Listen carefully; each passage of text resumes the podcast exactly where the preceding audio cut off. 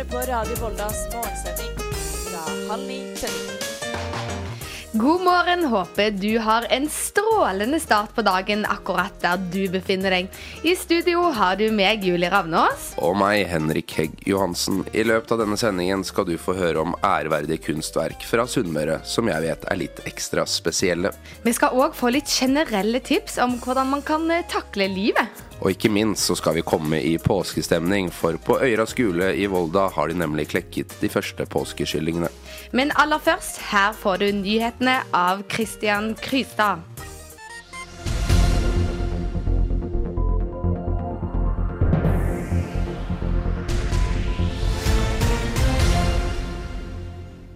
Det gikk totalt åtte skred i Møre og Romsdal etter klokken 15 onsdag ettermiddag. Alle skal ifølge politiet være utløst av skiløpere. En person ble tatt av skredet ved Grøtdalstind i Ørsta kommune. Personen ble fraktet til sykehuset i Ålesund med luftambulanse. Operasjonsleder i Møre og Romsdal politidistrikt sier til NRK at det ble gjennomført hjerte- og lungeredning på stedet. Skadeomfanget er så langt ukjent. Volda håndball er seriemestere og rykker opp til Eliteserien etter en imponerende 36-22-seier over Levanger i Ørstahallen onsdag kveld. Damene fra Volda hadde full kontroll gjennom hele kampen og kunne slippe jubelen løs ved kampslutt. Laget er ubeseira siden januar 2021 og tok sin 15. strake seier. Trener Haldor Stefan Haraldsson er målløs etter rekordsesongen. Uh, nei, altså det kommer til å ta noen dager å uh, forstå hva vi har gjort. Det er helt uvirkelig. Det, jeg, føler litt så tom inni meg. Det, vi har jobba så mye de siste årene, og å få det til nå i dag er uvirkelig. Og vi har jobba knallhardt hele sesongen, og, og i dag får vi litt betalt. En ny rapport fra et ekspertutvalg beskriver truslene mot ytringsfrihet i akademia. Akademia er et begrep som brukes om fellesskapet som finnes innen høyere utdanning. I rapporten beskriver Kirulf-utvalget viktigheten av at forskere formidler og deler kunnskapen sin videre til folket. Utvalget mener likevel at de ser tegn til at kunnskapen til forskere ikke alltid når ut til folk flest. Forsker og professor ved Høgskolen i Volda, Ellen Leksrød Hovlid, forklarer nærmere hvordan vi ser tegn på dette i akademia i dag. Det kan være dette med, med at man opplever lite kollegial støtte at vi akademikere ikke er så flinke til å bygge hverandre opp, da, men kanskje litt, heller litt flinkere til å kritisere hverandre og, og holde hverandre nede. Og Så peker de også på dette med sånn, det som de kaller en konformitetskultur, som handler om at uh, det er en sånn enighetskultur. Da. Det blir sånn ekkokamre som gjør at vi er ofte veldig enige, og hvis man da ikke passer helt inn i det ekkokammeret, så kanskje man vegrer seg for å uttale seg. Og så er det jo tidvis et ganske sånn tøft debattklima. Vi ser jo eksempler på at forskere får trusler og hatefulle ytringer mot seg og sånn. Og en del frykter jo også tabloidiseringen i mediene, da. det har det også vært litt fokus på i det siste. Ellen forteller at hun tidligere i karrieren syntes det var vanskeligere å formidle og uttale seg. Hun var ikke alltid sikker på hva hun hadde å bidra med, men det har endret seg.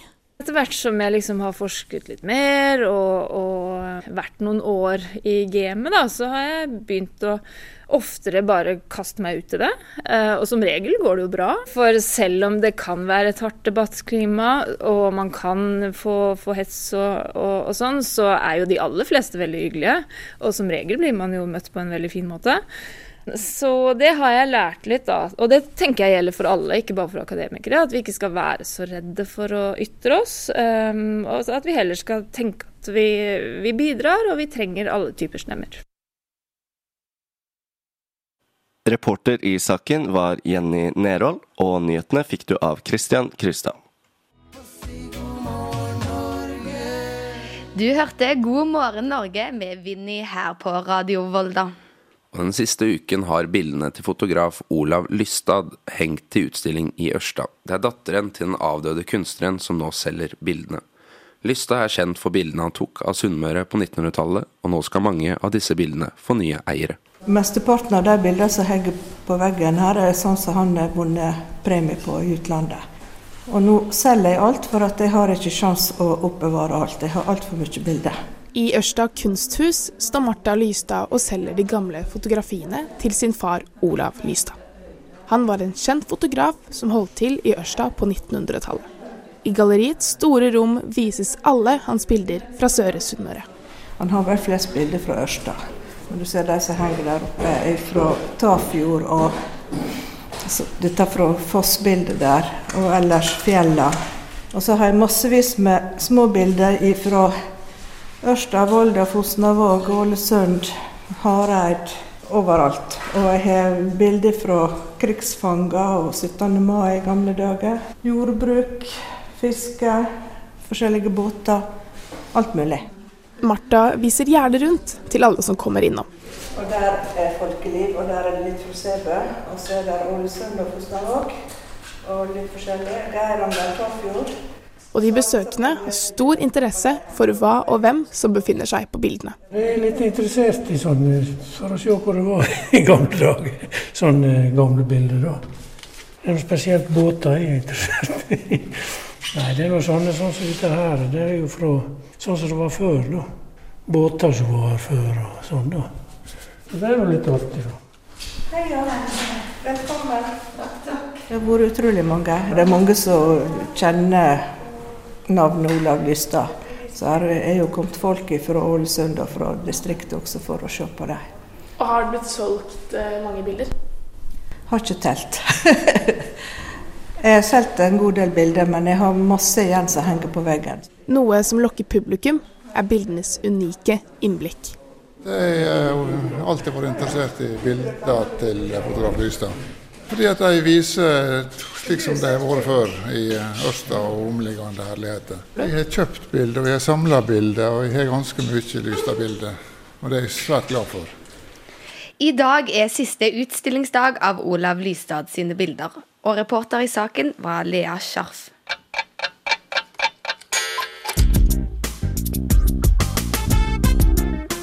Du hører på morgensendinga til Radio Volda.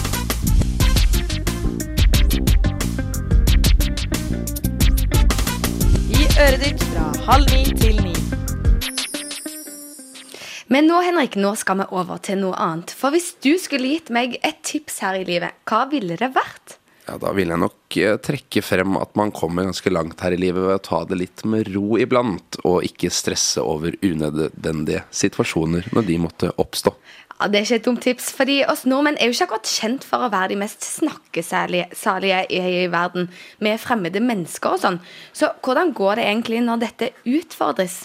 Vår reporter Josefine har vært blant studentene for å finne ut hva, hva slags råd de ville gitt til noen de ikke kjenner. Ikke uh, don't trust anyone. Noen av svarene jeg fikk, må man kanskje ta med en liten klype salt. Jeg har nemlig gått rundt på Høgskolen i Volda og spurt folk om de kan gi et råd til en fremmed.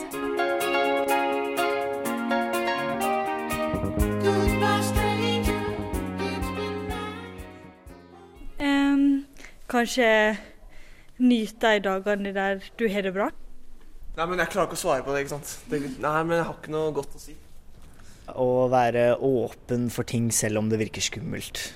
Uh, har jeg noe lurt å si? Du staver ikke eh, Nei, vent, hva står det? Du staver ikke kjærlighet uten ærlighet. Har du et råd? You do you, boo. Hva med deg, da? Hva er et råd du vil gi til en fremmed? Du er god nok. Oi. eh, ta hver dag som man kommer, og ikke stress med det som skjer i framtida og sånne ting. Vær snill mot alle du går forbi. Hvorfor det? Fordi det kan gjøre dagen til noen. Mens andre derimot sliter kanskje litt mer med å komme opp med et godt råd. Ja. Usikker? Ja, litt usikker, ja. Kødder du? Jeg vet da faen, jeg. Hva- skal- Jeg kan ikke gi råd. jeg klarer jo ikke å ta noen sjøl engang. Ikke ligg med fuckboys. Og ikke få klamydia. det er de to rådene jeg har. Ja. Det er jo ganske like råd her i Volda. Og for å oppsummere så tenker jeg vi kan si husk på den gylne regel. Altså gjør mot andre som du vil at andre skal gjøre mot deg. Vær den du er. Og ikke minst, husk å nyte dagene dine. Reporter i saken var Josefine Jansson. Nå får du en god påskelåt, nemlig 'Raske briller' med Nicolay Ramm.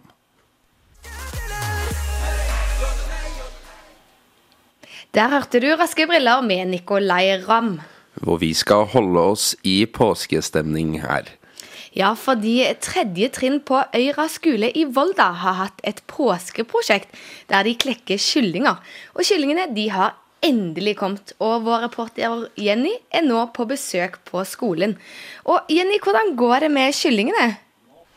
Jo, Julie, hvis du spør meg, så ser det ut som at kyllingene har det veldig bra. De befinner seg nå i et bur med avispapir på bunnen og sånne små esker til mat og vann, midt i et grupperom her på Øyra skole. Men jeg tenker jo at vi må snakke med de som eh, har Da ser det ut som Jenny for, eh, forsvant eh, bitte litt. Jeg står nå med mm, ja. Mulig at det er litt eh, dårlig dekning på Øyra skole i dag. Vi setter på en eh, liten eh, låt, og så ser vi om vi kan komme tilbake til Jenny.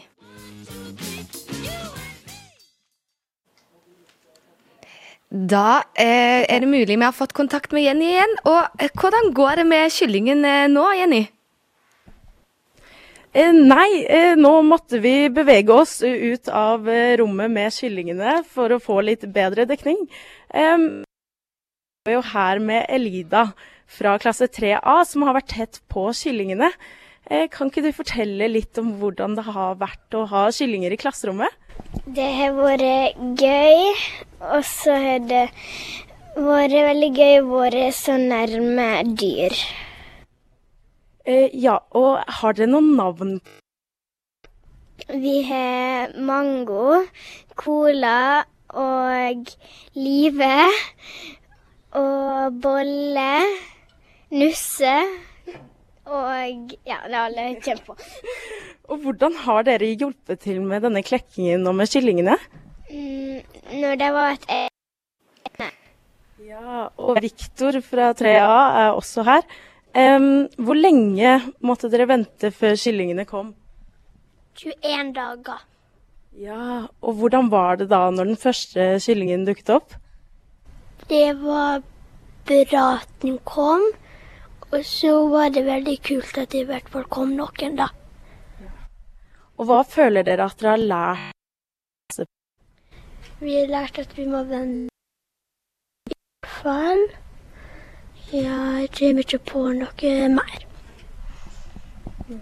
Mm, vi lærte at um, det er at ei høne eh, legg, legg, Hvis det skal bli kylling, så må den ha en hane for at det skal komme kylling. Hvis det ikke, så blir det bare vanlig kokt egg. Ja, men jeg har jo også hørt at uh, dere har en sang her på uh, i klasserommet eh, med kyllingene. Uh, kan vi få høre denne sangen?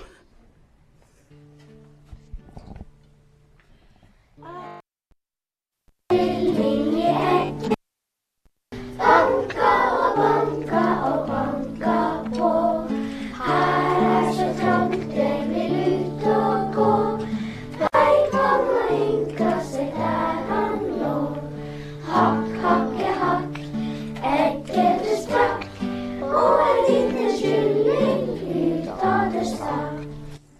Tusen takk, det var helt nydelig. Tusen takk til reporter Jenny Nerold.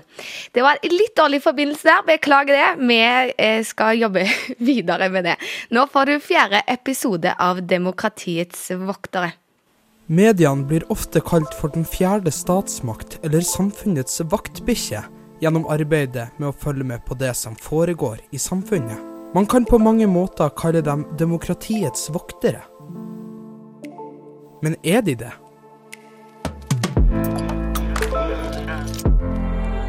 Du hører på Demokratiets voktere. Episode fire Vestlandsnytt.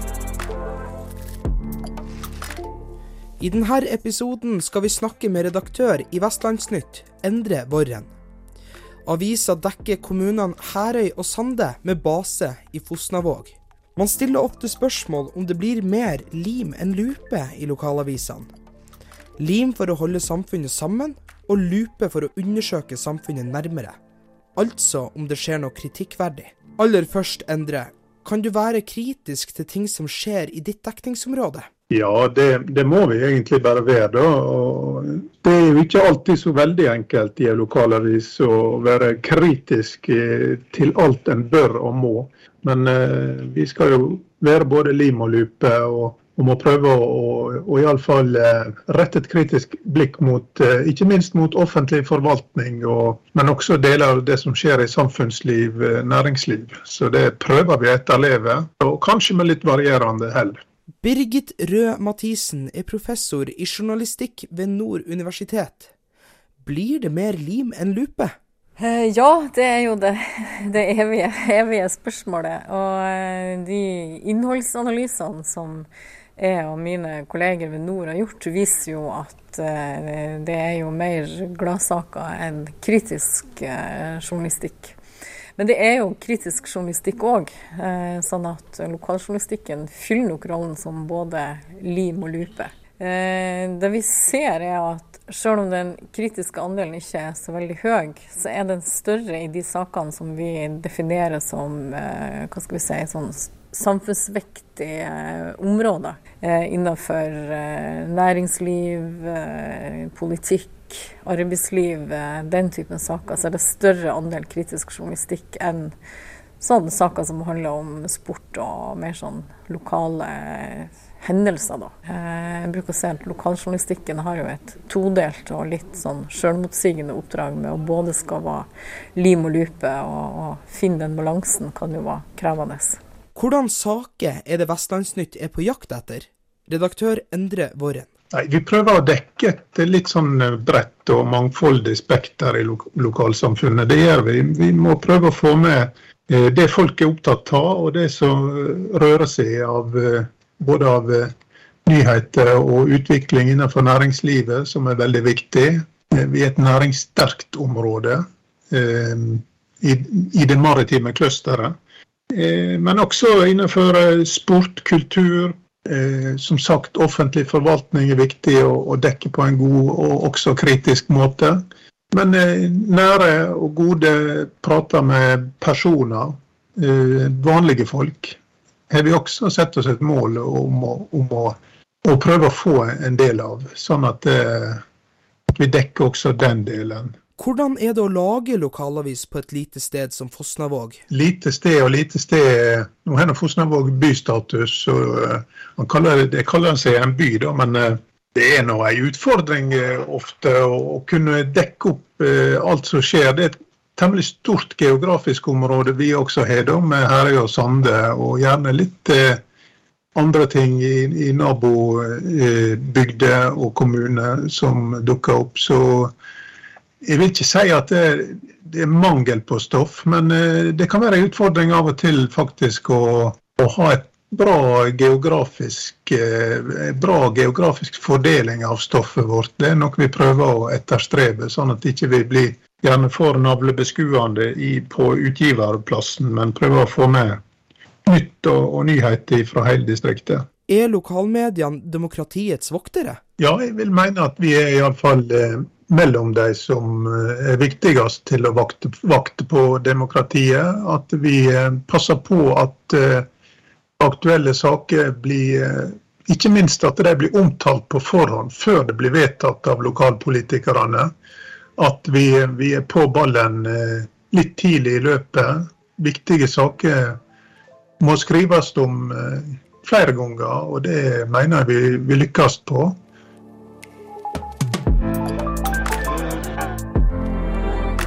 Du har hørt fjerde episode av Demokratiets voktere, laga av meg, Trond Odin Johansen.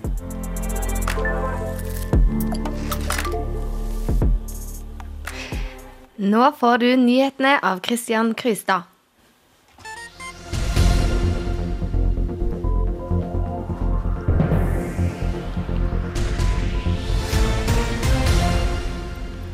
Tilstanden til personen som ble tatt av skred ved Grøtdalstind i Ørsta kommune i går, er kritisk. Det sier operasjonsleder i Møre og Romsdal til NTB. Det gikk eh, totalt åtte skred i Møre og Romsdal etter klokken 15 onsdag ettermiddag. Alle skal ifølge politiet være utløst av skiløpere. Og politiet oppfordrer alle til å vise varsomhet, og påpeker at skredfaren er høy. Færre mennesker har mistet livet sitt i trafikken sammenlignet med første kvartal i fjor. Det melder Statens vegvesen. Hittil i år har 13 personer mista livet sitt på norske veier. Det er én mindre enn tilsvarende periode i fjor. Vi har hatt en sånn 80-90 drepte i året, eh, fordelt over hele landet. Vi For så vidt nye steder hele tida, men det er liksom det samme, det er som utforkjøring, det er møteulykker, det er sånn som går igjen med rus og belte og sånne ting. Så det er mer på den måten vi jobber, og ikke nødvendigvis på enkeltsteder. da. Det sier ingeniørsjef i Statens vegvesen, Svein Ringen. Antall drepte i trafikken har siden 1970 fått en kraftig reduksjon takket være nullvisjonen. Det, det er klart at dette, det, dette begynner med, med nullvisjonen som vedtatt på topp ikke sant? Fra, fra regjeringen, som, eh, som er på en måte en førende eh, ledestjerne for arbeidet. Og dette er mange land, land som ikke har eh, tilsvarende i, i hele tatt. Vi er ganske faktisk unike i, i forhold til å ha den bakgrunnen som vi har der. Så det tror vi har, hatt en, eh, har en veldig god effekt på eh, våre tall. Men det er særlig ett fylke som markerer seg i den samlede statistikken. Ja, akkurat de første tre månedene her så har jo Rogaland vært eh, ganske høyt belasta. Det er jo noe som vil variere selvfølgelig fra med relativt små tall, så vil de jo få sånne effekter for det. Men vi kommer selvfølgelig til å følge med på den utviklingen og, kan, eh, og se hvordan dette her eh, går etter hvert. Men det er ikke noe, det er ikke noe fellestrekk utover at det på en måte har, eh, har vært en, eh, en del av de drepte har skjedd i Rogaland. Sunnmøre har derimot klart å holde nullen med resten av fylkestrafikanter. Her er det nemlig ikke meldt om noen dødsfall i trafikken. Ja, for det, Vi har ingen drepte i Møre og Romsdal eh, i første kvartal. Reporter i saken var Sondre Grødal, og nyhetene fikk du av Christian Krystad.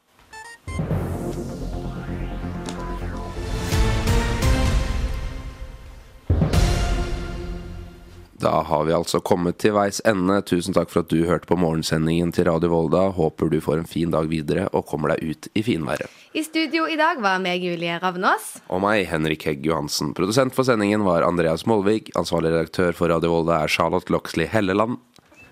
Da er klokka ni, og du kan fortsette dagen. Takk for at du hørte på. Husk å ta med nøkkel, mobil og et smil, så kan du hoppe på sykkelen og starte dagen.